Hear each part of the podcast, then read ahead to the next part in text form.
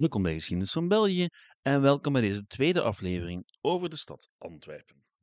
Vorige week hadden we het over het ontstaan van de stad en haar langzame ontwikkeling tot handelsmetropool. En eindigen deden we met die fameuze Gouden Eeuw. Vandaag bekijken we hoe heel dat kaartenhuisje in elkaar begint te storten in de tweede helft van de 16e eeuw. De bijgevolg hebben we het over protestantisme, de Spaanse Inquisitie, de beeldenstorm, de Spaanse furie en een heleboel drama. Dat en nog veel meer in deze aflevering van Geschiedenis van België.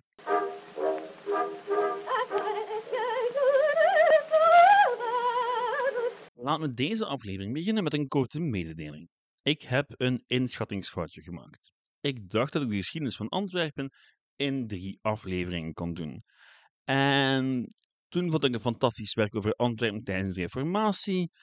Eh, wel, het worden dus vier of vijf. Ik ben simpelweg niet in staat om snel, snel door die 16e eeuw te vliegen. Daarvoor is die simpelweg te boeiend en te relevant. Het is fascinerend om te kijken hoe men probeerde om Antwerpen bij elkaar te houden, om die stad te laten functioneren, ook al was het idee van een handelsmetropool, van verdraagzaamheid, steeds moeilijker om aan vast te houden. En daar maak ik dus tijd voor.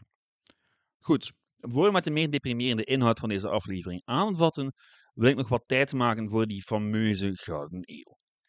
En wie beter om daarover aan het woord te laten dan Ludovico Guicciardini. Die Italiaan vestigde zich in 1541 te Antwerpen en zou de rest van zijn leven wijden aan het beschrijven van de zuidelijke Nederlanden.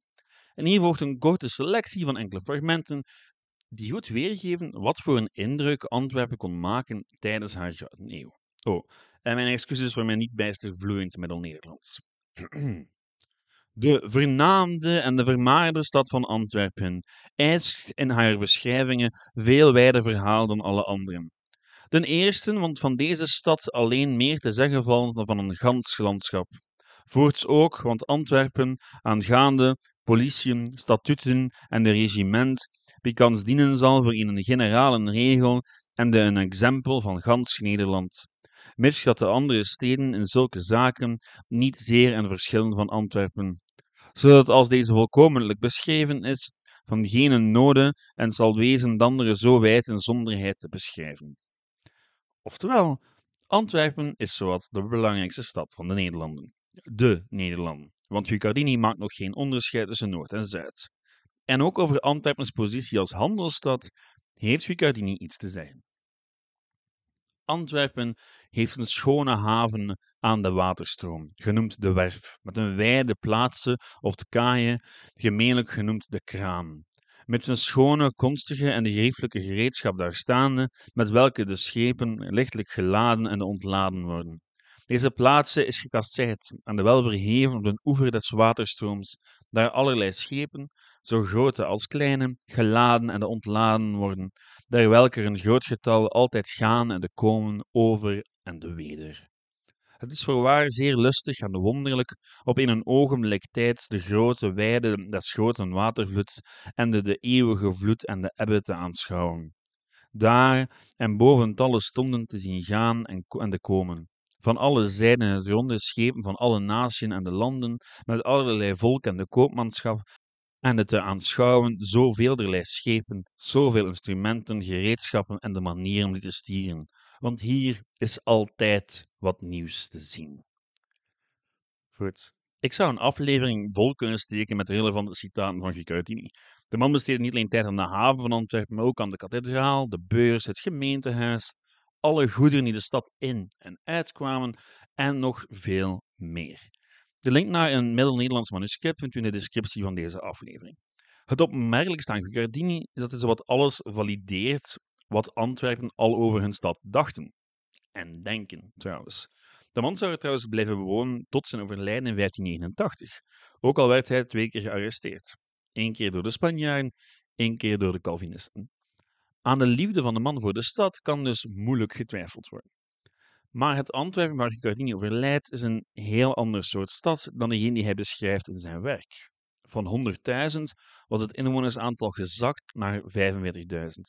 De handel via de Schelde was compleet stilgevallen en ook op intellectueel en commercieel vlak was de stad leeggelopen. Maar waarom dan?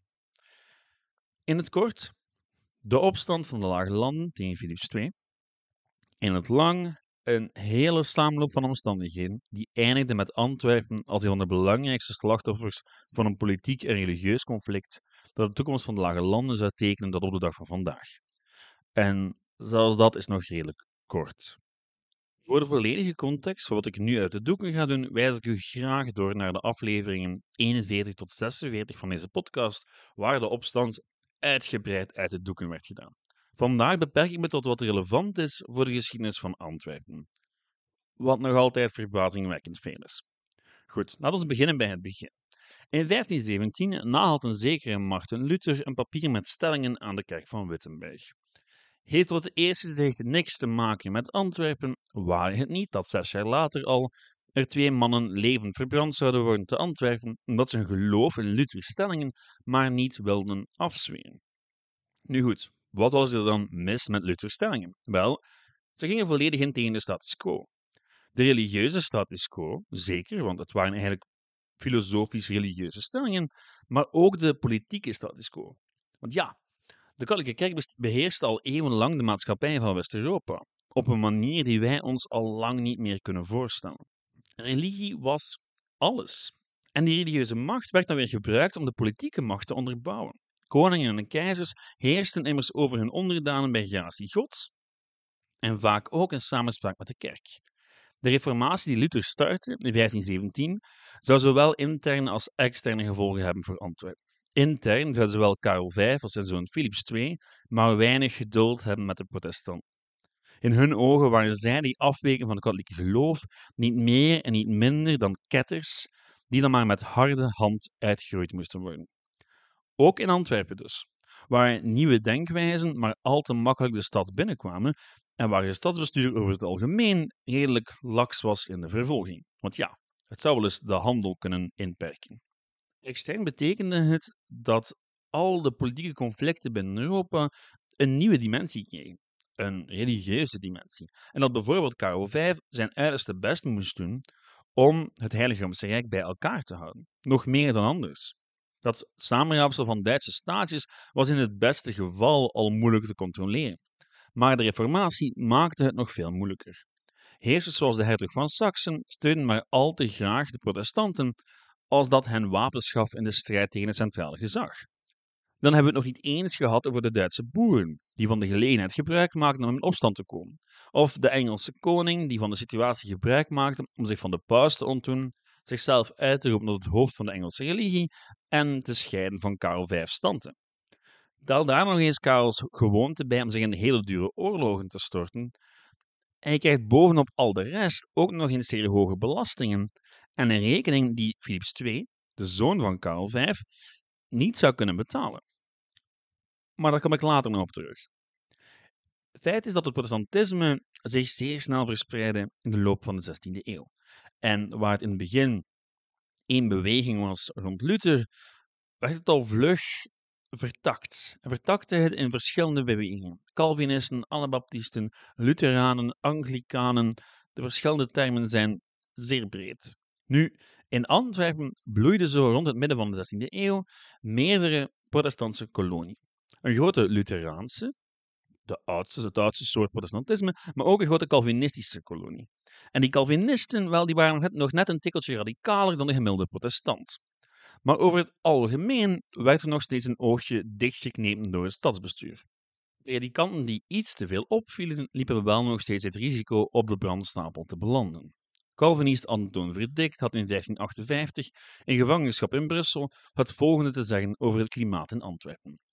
Antwerpen was gelijk een wereld. Men mag hem daar wel in verborgen houden zonder daaruit te vlieden. De Venetiaanse koopman Giovanni Zonca had het in de jaren 60 van de 16e eeuw over de Grande Libertade. In termen van vrijheid leek Antwerpen voor hem wel een land van gekken. Natuurlijk waren de Antwerpenaren daar absoluut trots op. Dit fragmentje komt uit de memoire van een van de Antwerpse burgervaders. Antwerpen als wezende niet alleenlijk de eerste en de principaalste koopstad van geheel Europa, maar ook de fonteinen, oorsprong en de schuren van alle goeden, rijkdommen en de koopmanschappen, en de een toevlucht en de voesterse van alle konsten, scientieën en de natieën en de deugden. Nu, Antwerpen voelde dus wel de spanning van het moment, maar trok zich daar eigenlijk lang bitter weinig van aan. Al zou dat feestje natuurlijk niet blijven duren, want Antwerpens attitude trok aan. Of zoals enkele juristen het verwoorden in 1556, dat er grote menigte die uit divers gesteden aan de plaatsen van Vlaanderen, Doornik en de Rijssel, ter cause van de secten uit vrezen van justitie, gevloden zijn en de verhust te Antwerpen wonen, om het daar elk naar zijn kettersche opinie te mogen levenen gezelschap te hebben en grief van boekskens, de welke zowel te beduchtene als ook dagelijks comfort gekrijgen van hun lieder complicen die te Wezel, Frankfurt of in het land van Emden respectievelijk wonen en dikwijls te Antwerpen komen of zenden. Gelijkerwijs notoire is dat er ook dagelijks uit Vlaanderen en de elders van alle steden en de plaatsen vele volksstandwerpen hanteert, dat zulke contagieuze koopmanskepen tuswaarts draagt en verspreidt. Oeh, hopelijk was dat eh, verstaanbaar. Nu, wat komt het eigenlijk op neer? Het komt erop neer dat Antwerpen een toevluchtsoord was geworden voor ketters, oftewel protestanten, in de lage landen. En dat vanuit Antwerpen, waar zij een relatief normaal leven konden leiden, al die zaken weer verspreid werden. In de lage landen, maar ook naar andere steden toe. Nu goed, het centrale bestuur wou natuurlijk niet liever dan gedane zaak te maken met al die protestanten. En zij vaarden dan ook wetten en regels uit. Wetten waar, in theorie, de lokale overheden mee aan de slag moesten. Zo ook in Antwerpen. Concreet probeerde men de strafvoering zoveel mogelijk in eigen handen te houden en zo weinig mogelijk af te geven aan de Spaanse Inquisitie. Keer op keer verzette het Antwerpse stadsbestuur zich tegen alles wat ervoor kon zorgen dat het fragiele evenwicht verstoord zou worden. Om die reden hield men zelfs de oprichting van een bisdom tegen. Met zo'n bisschop zouden onvermijdelijk Dominicanen en dergelijke volgen, die de gevolgen van ketters nog veel strenger zouden aanpakken. Al werden er al bij al nog steeds 131 personen terechtgesteld tussen 1550 en 1566, maar van 90% Calvinisten. Geen toeval dus wat met voorsprong de meest radicale strekking tussen de protestanten in die periode. Andere protestantse strekkingen, zoals Lutheranen, moesten zich iets minder zorgen maken, al waren ook de radicale wederdopers of anabaptisten niet altijd veilig. Maar dan nog klaarde de centrale overheid met de regelmaat van een klok over hoe laks de Antwerpenaren wel waren in de strijd tegen vermeende ketters. In een poging om de status quo zo weinig mogelijk te verstoren, probeerde het stadsbestuur executies zelfs in het geheim te laten plaatsvinden. Dik tegen de zin van veel veroordeelden trouwens, die niet liever hadden dan publiek te sterven voor hun geloof. Maar voor het Antwerpse stadsbestuur was het zeer duidelijk. Als we moeten vervolgen, zullen we dat doen, maar we gaan de publieke orde in de stad zo weinig mogelijk proberen te verstoren. Maar goed, het mocht allemaal niet baten. Tegen 1565 was het Calvinisme zo populair geworden dat men het risico zelfs niet meer nam om nog Calvinisten te arresteren of terecht te stellen. Wat ons brengt tot het wonderjaar, 1566. Voor meer info opnieuw zie de reeks over de opstand of de aflevering over de beeldenstorm. Nu, het wonderjaar begon met het smeekschrift, een petitie aan de centrale overheid om de vervolging op te schorten. Iets waar men in Antwerpen zeker ook oren naar had. Gedragen door de publieke opinie kwamen verschillende predikers daarna opnieuw hun huis uit om buiten de muren te prediken. In juli 1566 verzamelden tussen de 20 en 25.000 mensen buiten de stad voor dit soort preken. Wat ongelooflijke aantallen zijn voor die periode. En toen moest het eigenlijk nog allemaal beginnen. Op 10 augustus begon de beeldenstorm in de Westhoek. Na een woeste preek sloten boze toehoorders alle beelden in de Sint-Laurentiuskapel in Steenvoorde. Steenvoorde, begot. Maar het bleef natuurlijk niet bij Steenvoorde. Op 20 augustus al was Antwerpen aan de beurt. De menigte begon met ons Lieve Vrouwkerk, alvorens zich op kerken, kloosters en kapellen te storten.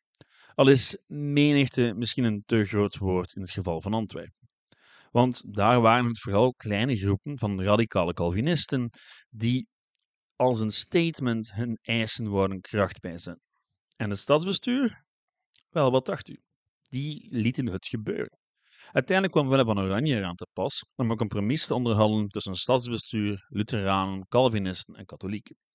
Resultaat: de toestemming voor de protestanten om binnen de muren samen te komen op zon, woens en heiligdagen.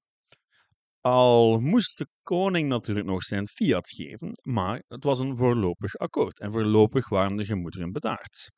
Grotendeels. Want ondertussen probeerde de landvoogdes, Margaretha van Parma, de schuldigen van de beeldenstorm te straffen, maar met mate. Ze wist dat ze een evenwicht moest zoeken. En in een poging om de situatie onder controle te houden, bestrafte ze, vervolgde ze, maar liet ze eigenlijk zeer veel mensen nog ongemoeid. Nu, wat Antwerpse heethoofden dachten daar in de lente van 1567 anders over en begonnen zich te bewapenen. Ze werden Antwerpen uitgegooid door het stadsbestuur en uiteindelijk verslagen in de slag bij Oosterveel. Met de hulp van Willem Oranje trouwens, die de Antwerpse Calvinisten had verhinderd zich bij hem broeders te voegen. Nu, over de intenties van Oranje kan je zeer veel discussiëren en daar gaat deze podcast nu niet over. In de zomer van 1567 leken de gemoederen betaard in Antwerpen en in de Lage Landen. De landvoogdes resideerden zelfs een tijdje in Antwerpen om orde op zaken te stellen. Wapens werden in beslag genomen en verdere compromissen werden gesloten na oeverloos gepalaver. Want dat was politiek in de lage landen in de 16e eeuw. Een constant zoeken naar een precair evenwicht tussen de privileges en de rechten van de lokale adel en burgerij en de wil van de centrale overheid en van de kerk. En met Margaretha van Parma hadden Karel V en later Philips II een zeer bekwame landvoogdes, die dat spelletje speelde als de beste. Alleen had Philips II weinig geduld of respect voor die manier van regeren. Voor hem was een bevel een bevel. Dus toen Margaretha de boel in de lage landen had weten te kalmeren, vertrok in Spanje een zekere Fernando Alvarez de Toledo naar het noorden, de hertog van Alva. Niet alleen, maar met een Spaans leger. Eenmaal aangekomen nam Alva al snel de touwtjes in handen en zette Margaretha politiek buitenspel. Die nam vervolgens gewoon ontslag.